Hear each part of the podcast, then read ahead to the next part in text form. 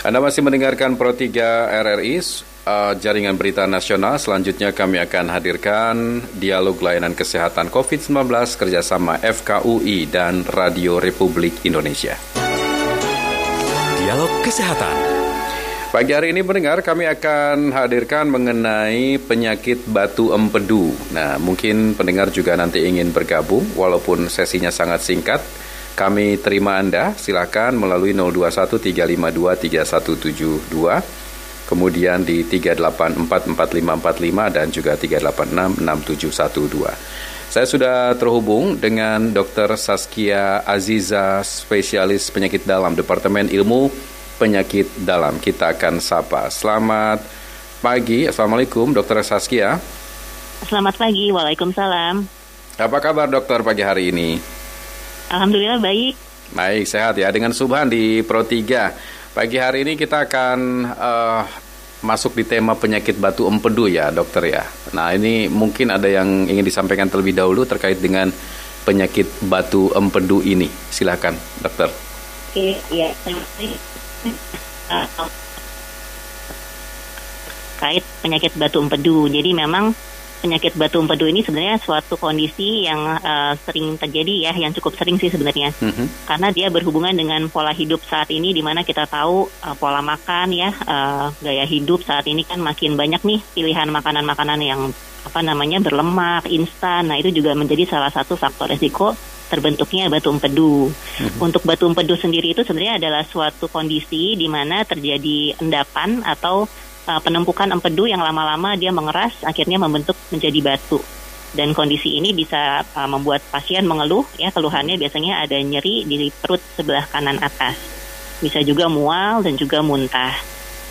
Uh, mungkin itu gambaran singkatnya ya Mas Tuhan ya. Baik ini ada ada nyeri juga di bagian atas ya uh, dokter ya.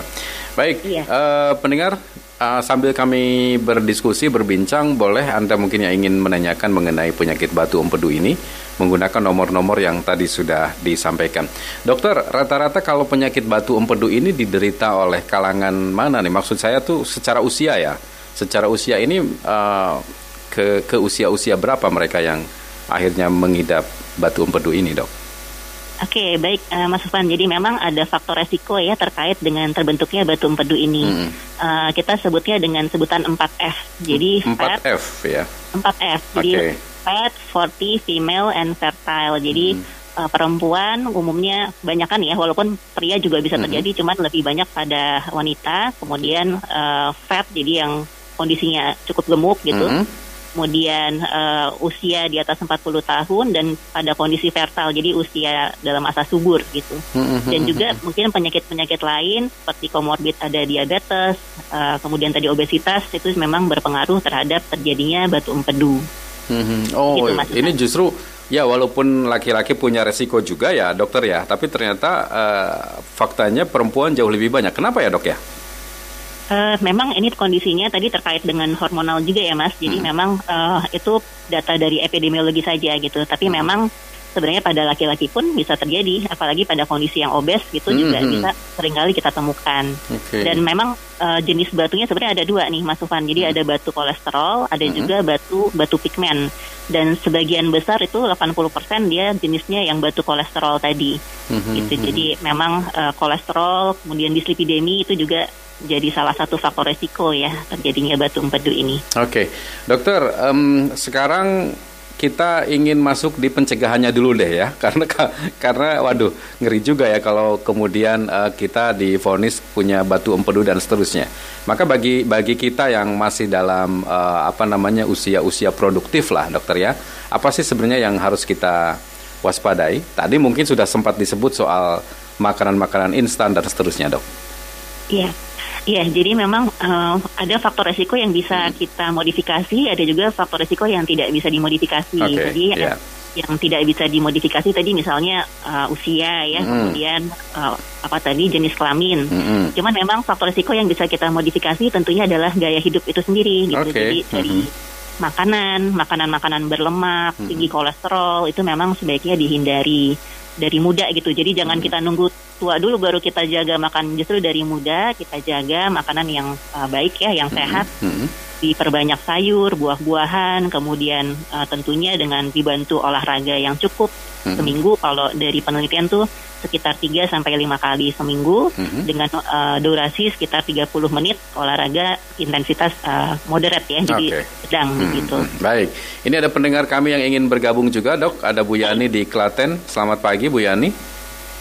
Ya, selamat pagi. Oh, Pak Yani, mohon maaf, ya, mohon maaf. Ya, silakan Pak Yani, ada yang ditanyakan dengan Dokter Saskia. Ya, mumpung waktunya masih agak banyak ini. Siap. Keburu habis ya. Uh, ini, uh, saya terakhir operasi apa namanya appendix khusus buntu ya. -huh. Kemudian kata dokter masih ada PR nih, batu empedunya ada juga. Yeah. Tapi uh, Pak dokternya bilang saya nggak berani kasih apa tambahan apa penjelasan lagi nanti aja kalau ini sudah sembuh udah pulih jahitannya kembali lagi nah yang mau saya tanyakan gini eh, seberapa besar sih atau besar kecilnya berapa sih risiko pengambilan batu bedu dengan cara operasi baik nah, yang kedua, pertanyaan kedua, adakah cara selain operasi untuk mm-hmm. terapi me melarutkan batu bedu dengan Baik. cara apa? Mm-hmm. Terima kasih, ketiga. Baik, sebelumnya Pak Pak Yani,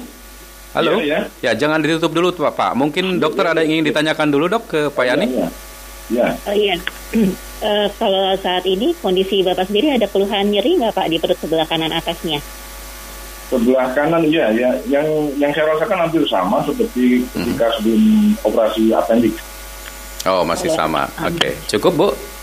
Uh, kalau appendix kan biasanya nyeri perut kanannya tuh sebelah bawah tuh pak. Bawah, nah iya. kalau uh, kalau untuk batu empedu tuh biasanya kanan sebelah atas pak di bawah iga. Okay. Nah kalau uh, ya, bapak kira-kira ya, ada nggak nyeri ada? Ada. Ya, ada, ada katanya. Oke, okay. baik. Nah, nanti nanti dijawab di. Halo. Baik. Itu. Baik, nanti dijawab di udara Pak Yani ya. Iya, iya, terima kasih. Baik, terima kasih. Ada Bu Yanti, mohon nanti pendengar jangan langsung ditutup teleponnya, mungkin Bu Dokter mau menanyakan sesuatu ya. Ada Bu Yanti di Klaten juga ini. Selamat pagi, Bu. Oke, baik. Itu Pak Yani dulu berarti ya. Ada yang bisa ditanggapi, Dokter? Iya, uh, baik. Terima kasih. Jadi tadi pertanyaannya terkait uh, risiko operasi ya. Hmm. Jadi memang mungkin saya uh, mengomentari terlebih dahulu baik. kondisi dari Bapak Yani tadi. Oh, kebetulan kan. Baik, dokter bisa ditahan ya. dulu sebentar dok. Ini rupanya ada yang masuk lagi nih. Oh iya betul. Dari Bu Yanti di Klaten sudah terhubung. Halo. Oh, terputus ya. Silakan Bu, di, uh, dokter dilanjutkan dulu. Oh iya. Jadi uh, tadi Bapak Yani ada kondisi uh, dua kondisi yang berbeda sebenarnya ya. Hmm. Ada appendicitis, jadi ada usus buntu yang sudah diangkat. Okay. Kemudian ternyata dari dokternya tadi dikatakan ada batu empedu yang uh, sebenarnya juga sudah mulai ada menyebabkan keluhan tadi ya, hmm. nyeri perut di sebelah kanan atas. Jadi memang kita kembali lagi nih kalau untuk batu empedu sendiri memang sebagian besar itu 80% itu asimptomatik. Oh. Nah, memang uh, sebagian kecil 20 per, 20% memang ada gejala. Nah, kondisi-kondisi yang bergejala ini terutama yang sudah berulang ya nyeri perut sebelah kanan atasnya memang hmm. sudah indikasi untuk dilakukan tindakan operasi. Hmm. Nah, kalau untuk operasinya sendiri ada dua jenis, operasi yang buka namanya laparotomi kolesistektomi, hmm. ada juga yang menggunakan uh, apa tindakan minimal invasif Baik. menggunakan uh, robotik jadi laparoskopi hmm. kolesistektomi. Tadi terkait risikonya yang ditanyakan Bapak Yani risiko hmm. operasi. Kalau risiko operasi tentunya pasti tiap tindakan pasti ada pasti resikonya. Ada resikonya walaupun, ya. ya betul. Hmm. Walaupun memang resikonya tidak selalu terjadi dan biasanya sih kecil resikonya. Baik. Hmm. Nah resiko yang bisa terjadi kalau pada operasi memang terkait dengan pembiusannya, mas. Hmm. Jadi pembiusan itu kan memang kita butuh uh, kondisi jantung, paru yang cukup baik agar dapat menjalani operasi dengan baik. Okay. Jadi kalau kondisi tersebut tidak baik, ya bisa saja menjadi uh, suatu komplikasi Baik. terkait okay. Baik, dokter nanti dilanjutkan dok. Ada Ibu Ida di Jogja. Selamat pagi Bu Ida, silahkan. Pagi Mas Olha. Ya, nanti Bu Ida jangan langsung ditutup teleponnya ya. Barangkali Bu Dokter Baik. ada yang ingin ditanyakan. Silahkan Bu Ida. Baik. Bu Dokter, Assalamualaikum. Waalaikumsalam Bu. Bu, dokter saya kan beberapa hari ini kan perut saya sakit sebelah kiri atas. Terus saya Bu. diperiksa ke dokter rujukan dikasih lansop para parozal parozal ya parozal ya dokter. Itu masih sakit ya dokter ya. Hmm, gitu ya. Itu saja Bu. Itu, itu saja Bu Ida. Ya. Baik, dokter ada yang mau ditanyakan dulu ke Bu Ida atau cukup? Eh, cukup nanti boleh Baik, saya oke. jawab. Terima kasih Bu Ida, ditunggu di udara ya. Ada Bu Yanti di Klaten. Selamat pagi Bu Yanti. Selamat pagi. Ya, silakan Bu Yanti. Iya, saya mau tanya kepada ibu dokter ya. Saya pernah, ya ulu hati saya itu sakit sekali ya dokter. Kemudian oleh eh, dokter dalam disuruh USG. Mhm. Jadi ter- ternyata eh, bagus, tidak ada eh, apa-apa, pokoknya batu empedunya tidak ada. Oke. I- i- i- itu apakah itu kan di- kemudian di diagnosa sebagai suatu penyakit gitu. Mhm. Nah, apakah memang antara eh, mah dan batu empedu itu ada hubungannya? Oke, baik. Itu saja. Terima kasih. Baik, terima kasih Bu Yanti. Ki- Kita jawab satu persatu, tapi yang tadi yang pertama Pak Yani juga, apakah ada tindakan selain operasi katanya, dokter? Ya, jadi pilihan obat ya tadi eh, pertanyaannya ya, Mhm. eh, Mas. Jadi memang kalau untuk pilihan obat ada obat untuk penghancur batu namanya ursodeoxycholic acid. Oke. Mhm. Cuman memang untuk batu ini sendiri biasanya kita berikan untuk eh, apa namanya pasien-pasien yang biasanya masih ringan ya gejalanya. Hmm, Jadi em, dan juga dia butuh waktu yang cukup lama sebenarnya baru bisa memberikan efek sekitar Oke. 2-3 bulan. Hmm. Dan dengan obat-obatan ini dia resiko terjadinya terbentuknya batu lagi juga sebenarnya tinggi. Hmm. Jadi memang ada pilihan itu tapi tentunya eh, efektivitasnya perlu kita pertimbangkan juga gitu. Jadi Hmm. untuk pasien-pasien yang belum berani operasi misalnya dan memang masih bisa diberikan obat eh, bisa saja sih sebenarnya kita berikan obat ini. Hmm. gitu. Tapi tetap Hmm. harus dievaluasi, harus kontrol lagi ke dokternya. Oke. Baik, itu ya untuk Pak Yani. Kita lanjut nih Bu ke pertanyaan berikutnya Bu Ida ya di Jogja ya. Ya, yang nyeri perut eh, kiri Hmm, atas hmm, tadi ya, Mas iya. ya. Iya, memang kalau nyeri perut sebelah kiri atas itu eh, organ yang terlibat itu bisa lambung, kemudian bisa limpa, bisa ginjal ya di daerah pinggang. Hmm. Cuman kalau melihat eh, yang paling banyak sih mayoritas memang kiri atas itu terkait dengan lambung tuh, dengan Hmm. mah sebenarnya. Jadi memang eh, berbeda dengan batu empedu. Kalau Hmm. batu empedu dia letaknya di kanan atas. Oke. Nah, kalau kiri atas dia biasanya gastritis atau mah gitu. Hmm. Jadi memang penyakit-penyakit terkait dengan gaya hidup juga sih kembali lagi. Hmm. Jadi dengan pola makan, kemudian makanan-makanan yang berlemak, makanan yang eh, pedas misalnya, Hmm. asam itu juga bisa menjadi faktor resiko terjadinya gastritis atau sakit mah. Oke.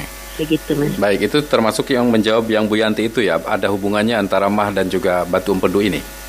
Ah ya, sebenarnya penyakit yang berbeda nih. Jadi tidak berhubungan, jadi Hmm. penyakit yang berbeda Hubungan gitu ya. mereka nggak baik-baik aja ya Bu ya. silakan, Betul. silakan dok. Gimana tuh? Ya, jadi memang eh, tadi dari eh, keluhannya nyeri ulu hati ya, Mhm. terus dari USG-nya ternyata normal, nggak ada batu, Hmm. terus kata dokternya tadi dibilang dengan mah gitu. Jadi memang sebenarnya paling banyak tuh sebelah kiri atas memang terkait dengan gastritis atau mah. Hmm. Tapi kembali lagi kalau kita tata laksana dengan obat-obatan, kemudian juga udah menjaga makan masih juga terdapat keluhan tersebut, saran saya sih memang sebaiknya dilakukan evaluasi lanjutan. Oh. Nah, bisa dilakukan endoskopi namanya. Jadi endoskopinya yang dari atas, esofago, gastro, duodenoskopi itu untuk melihat ada kelainan nggak sih di Hmm. lambungnya atau di usus uh, 12 jarinya. Oke, baik. Jadi itu, Mas. Baik, dokter, ketika seseorang kemudian eh, apa namanya eh, difonis memiliki batu empedu ini ya, dokter ya, dari mulai apa namanya penanganan pertama sampai dengan sembuh itu biasanya butuh waktu berapa lama, dok? Atau tiap orang berbeda-beda? Ya, sebenarnya tiap orang berbeda-beda ya, Mas. Hmm. Jadi tergantung uh, gimana uh, responnya seseorang itu cepat atau enggak gitu. Oh, Jadi gitu. kalau dia Hmm. kalau dia misalnya uh, terus-menerus nunggu aja kita ini penyakit biasa aja gitu, nggak nggak ke dokter gitu ya bisa saja tidak Ah. tidak terevaluasi dan lama-lama bisa jadi parah gitu, jadi lebih lama. Tapi kalau memang uh, apa namanya orang dengan gejala tersebut Mm-mm. uh, aware gitu ya, sadar, kemudian memeriksakan diri ke dokter dan dilakukan evaluasi USG misalnya ya Hmm, paling sering kita lakukan USG dan ketemu ada batu empedu, ada peradangan, Hmm. ya bisa cepat untuk tata laksananya. Nah, kalau misalnya kalau Ya. misalnya kita yang yang merasa sehari-harinya sehat nih, dok nih, yang merasa nggak ada keluhan apa-apa gitu, Nah kita mulai harus waspada itu pada titik apa? Ada ada rasa nyeri atau apa gitu yang kemudian oh ini ada ada apa nih gitu? Iya, jadi memang uh, sebaiknya memang kalau sudah ada gejala mm -hmm. segera memeriksakan ke dokter. Tapi kalau belum ada gejala namun punya faktor resiko tadi ya oh, iya. obesitas mm -hmm. atau misalnya diabetes mellitus, mm -hmm. memang saran saya melakukan medical check up. Jadi pentingnya kita medical check up itu mencegah sebelum mengobati. Jadi hmm. mencegah sebelum adanya penyakit yang serius gitu ya. Jadi bukan jangan malah jadi takut gitu ke dokter. Justru kita uh, apa namanya uh, mengobat apa namanya mencegah terjadinya hal-hal hmm. yang lebih berat gitu. Lebih berat. Oke, okay, gitu. baik. Dokter sayang sekali ini waktunya uh, sudah habis ini dokter. Terima kasih sekali untuk ilmunya juga sudah membagikan kepada pendengar-pendengar di seluruh tanah air. Tapi terakhir mungkin ada yang ingin disampaikan, menghimbau mungkin uh, untuk pendengar-pendengar kami. Silakan dokter. Ya, uh, mungkin untuk himbauannya, jadi uh, saat ini sebaiknya memang dengan banyaknya pilihan makanan, kemudian gaya hidup yang sedenter ya, jadi kurang olahraga, kemudian stressful life, jadi pekerjaan uh, banyak apa namanya faktor resiko stres itu mm -hmm. juga memang sebenarnya meningkatkan berbagai macam penyakit terkait penyakit metabolik ya nggak okay. cuma batu bisa diabetes, kemudian obesitas, hipertensi dan lain-lain. Jadi memang saran saya himbauannya adalah tetap menjaga uh, pola hidup yang baik, hmm. jaga makan yang sehat, kurangi makanan berlemak, kemudian kolesterol selalu tinggi, kemudian perbanyak sayur, buah, dan makanan yang tinggi vitamin, hmm. dan tentunya olahraga dan kurangi faktor stres. Baik. Kita aja, Mas. Baik, Dokter Saskia, terima kasih waktunya pagi hari ini. Selamat bertugas kembali, Dokter. Selamat pagi, Assalamualaikum. Selamat pagi, Waalaikumsalam. Dokter Saskia Aziza, spesialis penyakit dalam dari Departemen Ilmu Penyakit Dalam. Dan kami akhiri dialog kesehatan kerjasama FKUI dan juga Radio Republik Indonesia. Dialog Kesehatan.